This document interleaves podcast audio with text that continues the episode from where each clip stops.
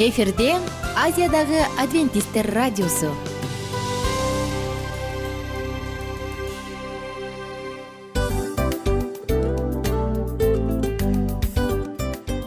Достор салют. Баардык сүйүктүү угармандарыбызга салам айтабыз. Кутман күнүңүздөр менен. Ден соолук өмүрдүн булагы демекчи саламат саамы программасында баарыңыздарды көргөнүбүзгө абдан кубанычтабыз. Анда алгач амандашып өтөлү арбаңыздар деп. Ден соолугуңуздар кандай элибизде көбүнчө ден соолук кандай дегенде эле жакшы деп жооп беребиз э? ооруп турсак дагы жакшы дейбиз. Анан мен муну айтып ойлойт элем бул абдан сонун сөз депчи анткени бул жакшы деген үмүт да э ооба баары жакшы болот. Баары сонун.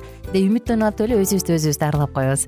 Анысы кандай сиздин дагы ден соолугуңуз жакшы беш деген үмүттөбүз чындыгында ден соолук бул өмүрдүн булагы деп бекеринен айтылган эмес деп ойлойм. Кыргыз элинде анткени эгерде ден соолук жок болсо анда адамдын жашоосунда калган баардык керектүү маңыздуу нерселер өзүнүн баалуулугун жоготуп коет. Ошондуктан ден соолук бул эң керектүү нерсе. Ооба туура айтасың кесиптешим. Чынында ден соолугуң жок бир эки үч күн ооруп калсаң эле э кандай болуп калат? Жашоодо көз каранды болуп каласың көп нерсеге жетишпей каласың көп нерсени кыла албай каласың жада калса эшикке дүкөнгө да чыга албай каласың. Туптуура анан ден соолук болсо демек биз биздин бактыбыз тотой деп койсок болот.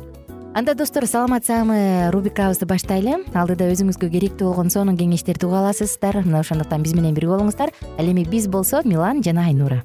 Кеттик алга. Алга саламат саама ден соолуктун жарчысы. Саламат саама ден соолуктун ачкычы. Күн сайын сиз үчүн мыкты кеңештер сонун жаңылыктар кызыктуу фактылар биздин рубрикада.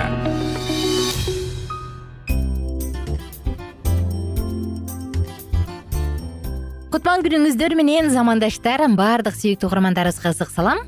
Жана салам айтуу менен бирге сиздерди саламат саама рубрикасына кош келиңиздер деп чакырам достор бүгүнкү уктурууда дарыгерлер менен болгон маекте сонун маалыматтар айтылат. Жана мен ишенем бул маалыматтар сиздин жашооңузда чоң жардам тийгизет деп.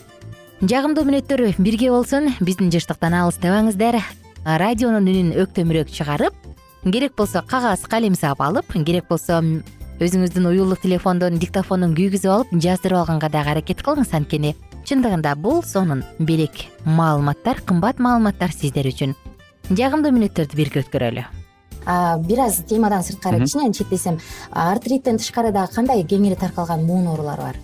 Алардын түрлөрү болот. Бир нече түрлөрү бар. Мисалы үчүн ревматоидный артрит деп коет псориатический артрит деп коет. Псориатический артритти дагы башка бир түрүн башкача айтканда бул падышалардын оорусу деп айтат экен. Себеби убагында баягы падышалар баягы тамак аштан баягы орусча айтканда проблемасы жок болгондуктан алар дайым жеп эле жатпай жеп эле жатышып андан аз кыймылдап андан соң ошолордун баягы ушул оору менен ооруганы айтылып келет экен. Андан соң ювенильный деген дагы бир түрү бар экен. Бул көбүнчө жаш э, жаштар арасында. Он төрт он беш жашка чейинки э, өспүрүмдөрдө э, баягы көрүнүш болот экен мындай. Андан соң э, баягы заттардын алмашуусунун э, начарлыгы. андан соң аутоиммундук дагы болот экен. Бул биздин иммунитетибиз начарлап кеткенде э, ошол артриттердин бир түрүнө алып келет экен. Жакшы.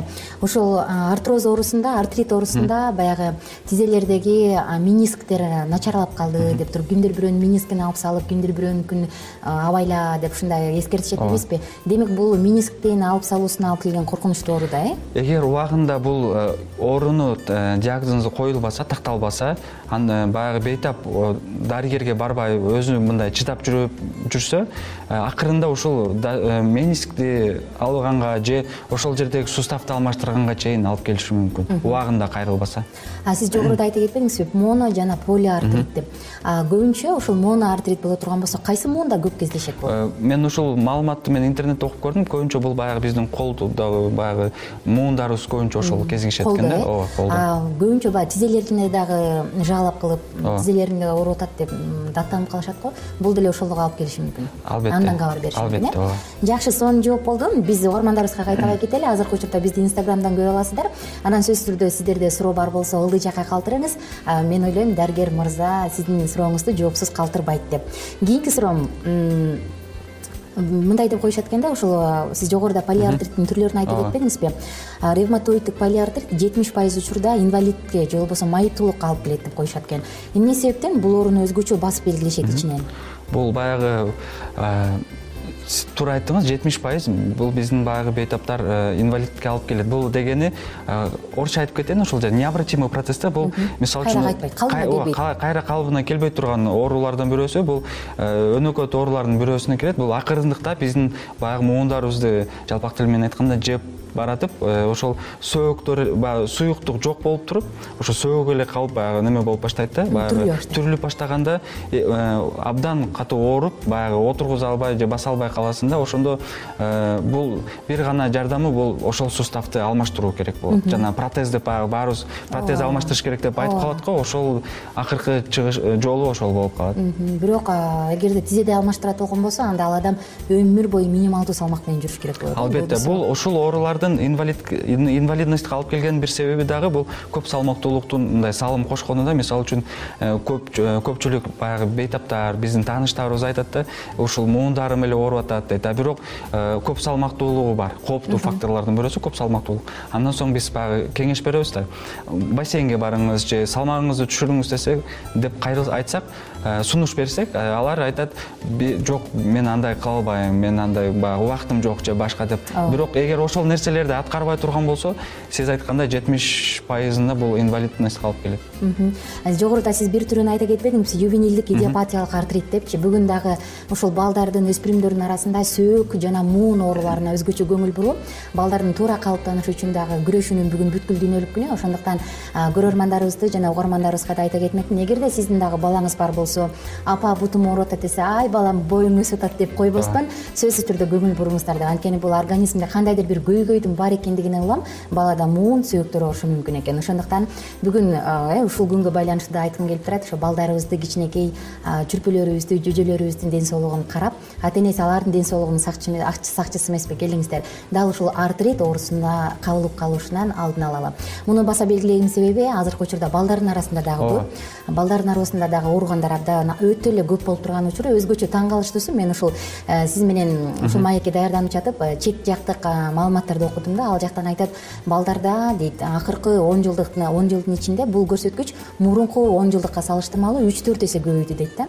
Эмне себептен дегенде жогоруда сиз айткандай аз кыймылдуулук. Балдар экрандын алдында отурат жегендери сэндвич тез татым тамактар анан булардын баардыгы жанагы зат алмашууну бузгандан келип чыккан полиартритке алып келет экен да коркунучтуусу андан соң ошол аз кыймылдуулук бул көп алып келет. Андан соң ошол заттын алмашуусу бузулгандыктан биздин баягы муундарыбызда жанагы туз туруп калыптыр деп биздин баягы ата энелерибиз айтып калат го ошондой эле ошол туз туруп калгандыктан баягы муун ооруларына алып келет. Достор жогоруда айтылгандай эле эң сонун маалыматтар биздин ден соолугубузду коргоо үчүн бүгүнкү күндө бар. Канчалык маалымдар болсоң ошончолук куралданган болот эмессиңби мына ошондуктан бүгүнкү айтылган маалыматтар дагы жашооңузга чоң таасирин берип жардамын берип сизди ар кандай кырсыктан ден соолукту сакташ үчүн жаман нерселерден сактасын оорулардан дарттардан сактасын. Адамдын биринчи байлыгы ден соолук адамга экинчи байлык ак жоолук керек. Бирок ак жоолук ден соолуксуз кызыксыз мына ошондуктан сиздерге кааларыбыз албетте бекем ден соолук өзүңүздүн колуңуздагы байлыкты сактаңыз барктаңыз.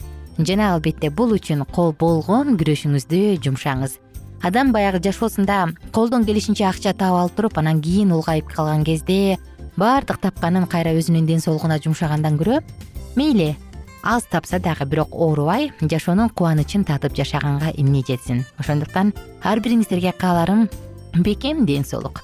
Коштошобуз достор сиздер менен. Кийинки уктуруулардан кайрадан амандашканча бар болуңуздар сак саламатта туруңуздар. Күнүңүздөр көңүлдүү маанайда улансын кененирээк маалыматтар үчүн үч w чекит саламат чекит клуб сайтына келип таанышыңыздар.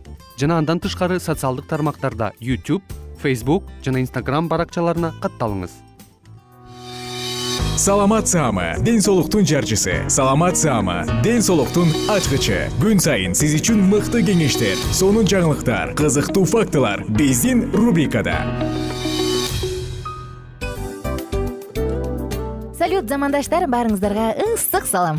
Дил маек программабызга кош келиңиздер. Дил маек рубрикасы дегенде эле бул эмне болгон дил маек ким менен маектешебиз деп сурайт болуш керек угармандарыбыз бул рубриканы кыскача тааныштыра кете турган болсок ар тарап кесип ээлеринен болгон сонун интервью кеңештер бар ооба. жылдыздар менен болгон маек бар аталарыбыздын агаларыбыздын чоң аталарыбыздан сонун кеңештер бар ошондой эле эже сиңдилердин кеңештери бар айтор баардык кызыктардын баары алдыда. Негизи эле адам баласы бир кимдир бирөөнө ишенип сырын ачкысы келет эмеспи? Э мындай баарлашууга жакын келебиз го? Албетте.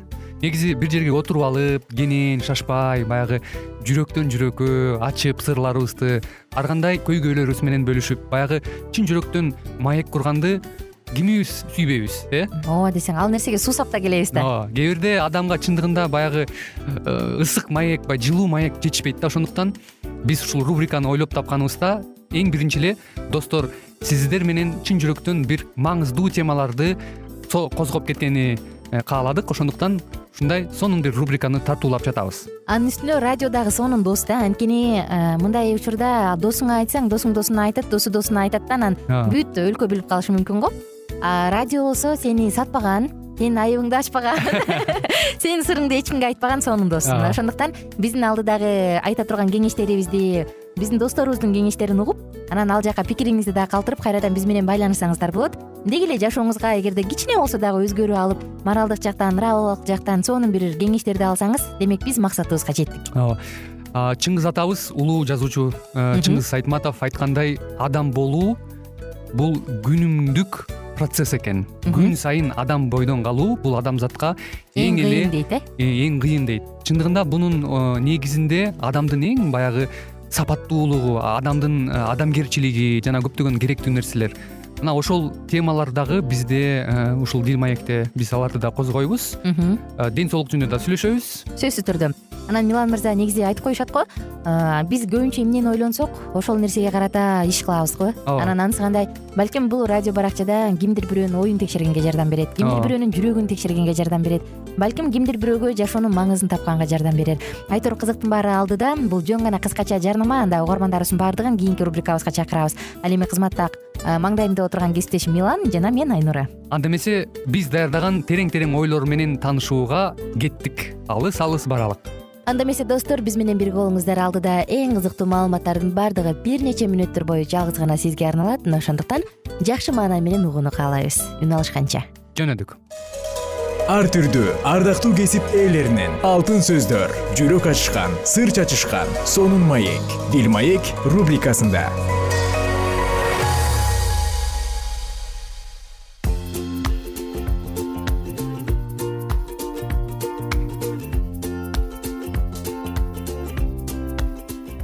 кутман күнүңүздөр менен э, биздин жагымдуу сонун саатыбызга кош келиңиздер кымбаттуу достор. Сиздер менен бирге дил маек радио баракчасындабыз саламатсыздарбы? Кесиптешим айнура жана ошондой эле мен улан. Кайрадан сиздер менен ободо үн алышып жатканыбызга кубанычтабыз. Бүгүнкү программабыздын чыгарылышында өзүңүздөр тыңдап келгендей эле үй бүлөдөгү э, аял менен эркектин ортосундагы деги эле үй бүлөлүк жаатта кечирим туурасында темабызды козгоп жатканбыз. Кайрадан эле ушул темада маегибизди улантмакчыбыз. Мурунку уктуруубузда эмне себептен эркектерге кечирим сураш кыйыныраак дегенди караганбыз э? Эми бүгүн аялдар жөнүндө сөз кылбайлыбы айымдар үчүн кечирим суроо кандай жакшыбы кантип кечирим сурашат мына ушул жөнүндө кандай дейсиң? Абдан сонун болот. Андап эле өзүң айткандай кесиптешим. Чындап эле айымдар ушу кечирим суроо жаатында алар кандай э, өзгөчө активдүүлүктөрүн көрсөтүшөбү э, өзүң айтып өтсөң кесиптешим. Кечирим суроо жаатында сен деги эле үй бүлөдө өзүң кандайсың? Мен эгерде э, менден ката кетсе менден ката кеткени түшүнүп турсам э кээде өзүң билбей да каласың го түшүнбөй каласың. Ооба. Анда мен дароо эле кечирим сураганга барам да анан мен кечирим сураганда да мынтип мага негизи жакпайт да жалпылап эле. Ие кечирип койчу. Э, кел мындайын урушпайлы деп жөн эле. жалпылап айтып коет го э бул баягы кесиптештердин арасындабы туугандарыңбы досторуң арасындабы негизи эле бул нерсе мага көп жага бербейт. Бул баягы билбейм менин жеке түшүнүгүмдө бул эптеп эле актанып коюунун бир жолу болуш керек деп ойлойм да. Баягы эле. маска кийип алып эле айтып аткан сыяктуу. Анан эгер адам чын эле кечирим сурагысы келсе анда ал э, конкреттүү түрдө кечирим сураш керек. Эмне үчүн кечирим сурап атат мисалы биз баягы эй кудай кечире көр деп туруп анан бир күнөөбүздү айтабыз го э конкреттүүчү ооба. Анан ушул сыяктуу эле мен ойлойм кечиримдин ролу ушул нерседе деп. Качан сен катаң эмнеден кеткенин билгенде анда конкреттүү түрдө мени кечирип кой деп. Мен мисалы жолдошуман кандай кылам? Албетте бизде дагы болот идише кагышып кеткен учурлар болот мен катуу айта алган учур болот ал айта алган учур болот. Ошондо мен айтам да мындай деп көбүнчө көбүнчө мен мынтип айтам. Мен сага мындай сөздү айткым келбейт такыр. Анан же көбүнчө эми баягы сөздөрдү айтканда дагы ойлонуп айтканга аракет кылам бирок ошондо дагы мен ушул чатакты мен ушул сөздү биринчи көтөргөнүм туура эмес болуп калыптыр. Сенден монтип сурап алсам болмок экен. Эгерде мен сенден биринчи сурап ак жай ал жайды билип алганда ушул сөз болбойт болчу. Кечирип койчу мен сен жөнүндө туура эмес ойдо болгонум үчүн дейм. Же мен сага ушул сөздү айтканым үчүн кечирип койчу дейм. Же жана ушинтип ушинтип ушундай кылып койгонум үчүн кечирип койчу. Деп мындай конкреттүү түрдө айтып анан кечирим сурайм. Билем бул мага абдан оор. Мен өзүм баягы авторитетиң деп коет го э? Авторитетиңди түшүрүп өзүңдү басынтып атканымды сезем. Бирок ошол учурда эле менин жолдошум ал учурда көбүрөөк сыйлап калат да. Анткени катасын көргөндү билет бул өзүн жооп берет өзүнө өзүнө турат сөзүнө турат деп көп айтып калат да анан бул нерсе оор болсо дагы бирок анын жемиши таттуу. Ооба. Керек болсо кээде телефон менен сүйлөшкөндө келгенде эмнеге минттиң дегенде айтам да. Мен жумуштан аябай шашып аткам. Мондой мондой конфликт болуп аткан. Анан сен чалып калдың кечирип койчу мен сага да бир тийип алдым. Мен ушинтип эмоциямды жакшы кармай албай калдым деп айтсам ал дагы а дейт дагы анан түшүнөт да мен ойлойм негизи эле ал таарынып калбаган күндө деле э, жүрөгүндө бир нерсе калып калбаш үчүн кечирим сурап алган жакшы го деп ойлойм да баардык учурда. Мына ошондой абдан сонун э, урматтуу угармандар өзүңүздөр тыңдагандай эле кесиптешим өзүнүн үй бүлөсүндөгү болгон окуя туурасында чындап эле кечирим суроо жаатында айымдар кандай э, активдүүлүгүн көрсөтөбү деген суроомду ыйгарганда чындап эле бир нече себептерин да айтып өттү. Анан ошол эле учурда сөзсүз түрдө кечирим суроо жаатында конкреттүү түрдө себеп болуш керек экен туурасында да айтып өттү. Э, чындап эле ушундай нерселерди тактап алган соң анан тактыктан баягы чындык жаралат демекчи. Э, так анан э, туура кадам кыла турган болсоңуз урматтуу угарман анда сөзсүз түрдө баягы үй бүлөлүк жашоодо бири бириңиздер менен анан жубайлардын ортосунда кечирим суроонун мындай туура ыкмаларын колдоно билсек анда сөзсүз түрдө бир жакшы мыкты натыйжасы болот деген ойду айткым келет. Жана жогорудачы бир психологдун да оюн айта кетпедимби айымдар көбүрөөк ката кетиргендиктен алар көбүрөөк кечирим сурайт депчи. Мен ошого да кошулам. Аял заты негизи эмоционалдуу келебиз э. Аял заты сезгич келебиз өтө сезимтал. Бизде алтынчы сезим укмуш өөрчүгөн э. Туура эмес жаккарда өөрчүп кетет кээдечи бизде ушундай биз аял заты ушундай жан болгондуктан чын эле а эмне сен моякта жүрдүңбү? Ыя деген сыяктуу бир кажется же мага ушундай сезилип атат дегендерден улам. Туура эмес сөздөрдү туура эмес кыймылдарды кылып алабыз э. Бул эми мен ойлойм жашырсаң деле айдан ачык нерсе го депчи ошол себептен дагы жок ай мындай мындай деп өзүн айтып бергенде анан а кечирип койчу мен сени ушул жака ушул жака ушундай кылган экен деп ойлогом. Сени ушинтейин деп аткан экен деп ойлогом деп биз баягы сезимибиздин негизинде көп каталарды кетирип алабыз да. Бул жагы да бар. Туптуура айтасың чындап эле? анан ошондон улам кечирим сураган дагы көбүрөөк биз болобуз ооба чындап эле э, айымдардын табияты ушундай экенин мырзалар дагы эске алып анан э, сөзсүз түрдө биз аял заты мындай алсызыраак жана ошол эле учурда эмоционалдуу жан экенин дайыма эстеп мырзалар э, мындай көтөрүп коюш керек көтөрмөлөө кылганга аракеттенишибиз керек деген ойду айткым келип атат. Кээде аял заты эмнеге бултуңдап таарынып мындай кыла берет да? Мүмкүн жолдошунун көңүл буруусу жетишпегендиктен э? Жумуштан кеч келип калса мисалычы бир нече күн катар кеч келсе бултуңдап таарынып мүнөзүн көргөзүп бултулуңдайт да. Анан сен эмне кеч келип атасың? Эмне сен мындай деп мүмкүн атырылышы да мүмкүн. А ошол учурда эле жолдошу чарчап келет э? Анан ал болсо мени жадырап тосуп алса тамак даярдап төшөгүмдү салып коюп тосуп алса деп келет да ал учурдачы.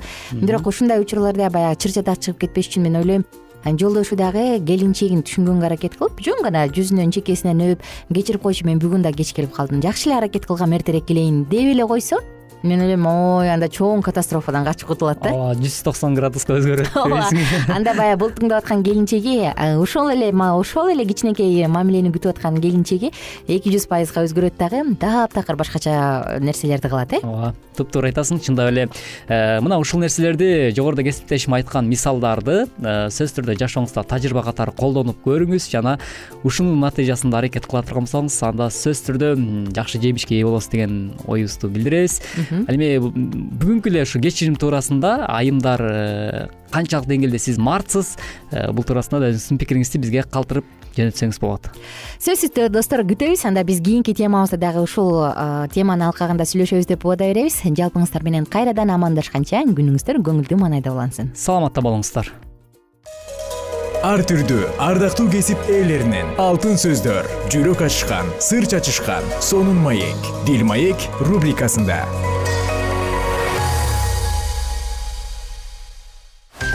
Жан дүйнөңдү байыткан жүрөгүңдү азыктанткан жашооңо маңыз тартуулаган жан азык рубрикасы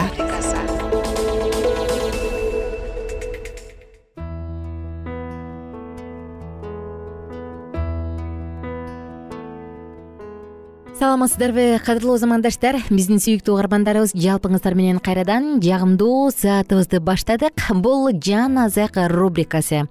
Жан дүйнөнү азыктандырып жан дүйнөбүздү жаркын кылып биздин ички дүйнөбүздү байыта турган сонун саатыбыз. Бул учурда биз сиздер менен бирге достор акыркы учур. Акыр заман болобу же болбойбу деген суроолор көп эмеспи. Мына дал ушул маанилүү жана изденип жаткан жаныбыз изденип жаткан жан дүйнөбүз изденип жаткан мыкты бир суроолорго жооп алуу максатында биз аян китеби менен таанышып жатабыз. Мурунку уктурууну эске салсам сиздер менен бирге мурунку уктурууда биз эмне үчүн аян китебин изилдеш керек? деген суроонун тегерегин карап үч негизги себепти атаганбыз. Алар жалпысынан жетөө бүгүн сиздер менен бирге төртүнчү себептен ары карай улантабыз чындыгында. Эмне үчүн аян китебин изилдеш керек? Аян китеби азыркы учурда ишенүүчүлөрдүн арасында дагы ишенбеген адамдардын арасында дагы негизи эле дүйнөдө керек болсо сценарист режиссерлордун арасында дагы популярдуу болуп жатат анткени ал жактан кайсы бир учурларды алып туруп кино тасмаларды тартып атышат э? Ар кандай ачылыштарды окуп айтып атышат? Элге жарыя кылып атышат? Айтор толтура. Анткени чын эле акыр заман акырын көздөй бара жатабы деген суроо кичинекей баладан чоң адамга чейин ар биринин тынчын алат. Бүгүн дагы достор сиздер менен бирге аян китебин андан ары окууну улантабыз. Жана ушул негизги бүгүнкү темабыз аян китебин изилдөөнүн жети себеби деп аталат. Анда андан ары уланталы. Аян китебин изилдөөнүн төртүнчү себеби. Бул китеп кудайдын аянынын бурчтагы негизги ташы. Аянды бүтүрүп таажы кийгизген ыйык жазуунун канону. Китептин триумфтук финалында библиянын баардык китептеринин чынжырлары биригет. Аян китеби эски осуят менен тыгыз байланышта. Анда эски осуяттан төрт жүздөн ашуун цитаталар камтылган. Эгер эски осуятка карата баардык аллюзияларды кошсок бул сан беш жүздөн ашат. Көпчүлүк цитаталар эски осуяттын жети. Мисирден чыгуу забур ышая жеремия жезекел даниэль жана захария китептеринен айтылган. Эски осуятка таянуу менен аян китеби анын уландысы жана аткарылышы болуп калат. Ансыз библия толук эмес болуп калмак. Ошондуктан ал кудайдын аянынын бурчтагы негизги ташы. Аян китебин изилдөөнүн бешинчи себебине кезек келди. Китепте кылымдарды жашап өткөндөн кийин акыркы жеңишке алып келген жыйын үчүн эскертүүлөр жана убадалар камтылган. Аян китеби жаңы осуяттын жалгыз жана бир бүтүн пайгамбарчылык китеби. Бул кабар өзү жөнүндө дал ушундай айтат. Ал мындай дейт. Ушул пайгамбарчылыктарды окугандар жана уккандар бактылуу. Биринчи бап үчүнчү аят. Мен жакан. Бул китептеги пайгамбарчылыктарды уккан ар бир адамга эскертемин жыйырма экинчи бап он сегизинчи аят. Жакан максаттуу түрдө жыйындарга кайрылган пайгамбарчылык кабар катары жазган. Китепте болгон сценалар көбүнчө жакандын жашоосу учурунда болгон. Бирок ошол эле учурда натыйжалуу финал жөнүндө да айтат. Бир эле тарыхый область ар кандай перспективадан көрсөтүлгөндөй болуп бир нече жолу жолугушат. Анан ар бири мезгилдин акырында аяктаарын көрө аласыздар. Ошондуктан китепте кылымдарды жашап өткөндөн кийин жыйынтыктоочу жеңишке алып келген жыйын үчүн эскертүүлөр жана убадалар камтылган. Аян китебин изилдөөнүн алтынчы себеби ал тарыхтын чыныгы маанисин түшүндүрүп берет. Кудай биздин дүйнөнүн тарыхын башкараарын аян китеби көрсөтүп берип жатат. Кудайдын эркине ылайык жердеги баардык жашоо улуу максатка жетиш үчүн багыт алып бара жатат.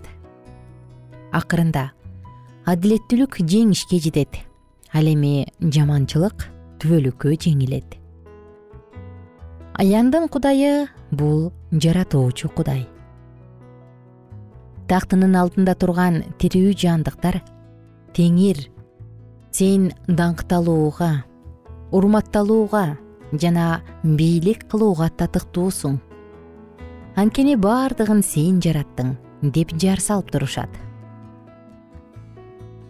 Ал эми аян китебинин он төртүнчү бап жетинчи аятындагы учуп жүрүүчү периште мындай дейт кудайдан корккула аны даңктагыла. Анткени анын соттой турган убагы келди. Асман менен жерди деңиз менен булактарды жаратканга табынгыла ал бизди жараткан.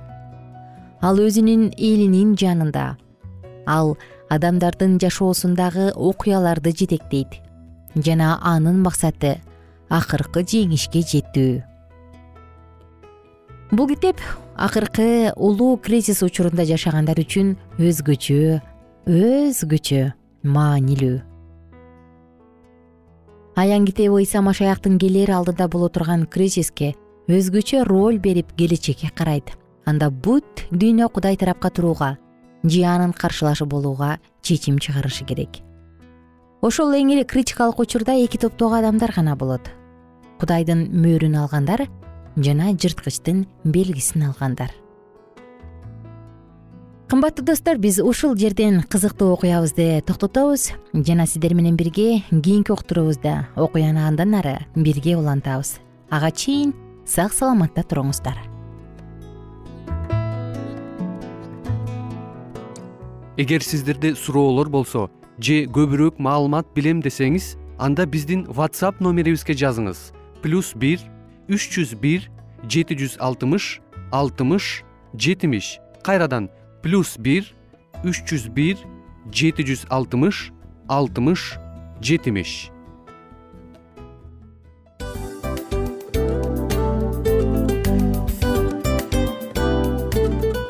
Ушул менен достор программабыздын уктуруубуздун эң кайгылуу мөөнөтүнө келип жеттик кайгылуу дегенде ыйлагым келип кетти кесиптеш. Кадимкидей. Анткени баягы учурашасың анан коштошуу учуру келгенде ии кантип ии эми эми бат баттан келиптир э сагындырбай деп атып араң коштошобуз го.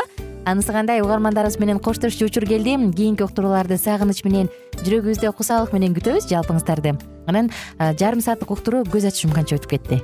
Сөзсүз бирок бизде жакшы кабар бар. Кийинки уктурууларыбызда сөзсүз дагы кезигишебиз. Анткени биз көптөгөн сюрприздерди кызыктуу маалыматтарды жана керектүү керектүү нерселердин көбүнчөсүн даярдадык. Анда угармандарыбыздын баардыгына ийгиликтүү күн каалайбыз эгерде бүгүнкү күнүңүз өзгөчө э, өтүшүн кааласаңыз анда позитивдүү ой жүгүртүп жылмайып жакындарыңызга жакшы маанай тартуулап жүрө бериңиз. Анткени сөзсүз түрдө мунун арты кайтат э? Сөзсүз. Баягы ден соолугуң оңолот ал бул деп көп нерсени санап келебиз. Эң негизгиси бул сиздин жашооңузду жаркын кыла түшөт экен. Жараткан кудай ар бирөөңүздөргө батасын берсин жашооңуз ийгиликтүү болсун сак саламатта калыңыздар деп мен милан жана кесиптешим айнура. Баардыгыңыздар менен кийинки уктурууда үн алышканча. Баарыңыздарга ийгилик каалайбыз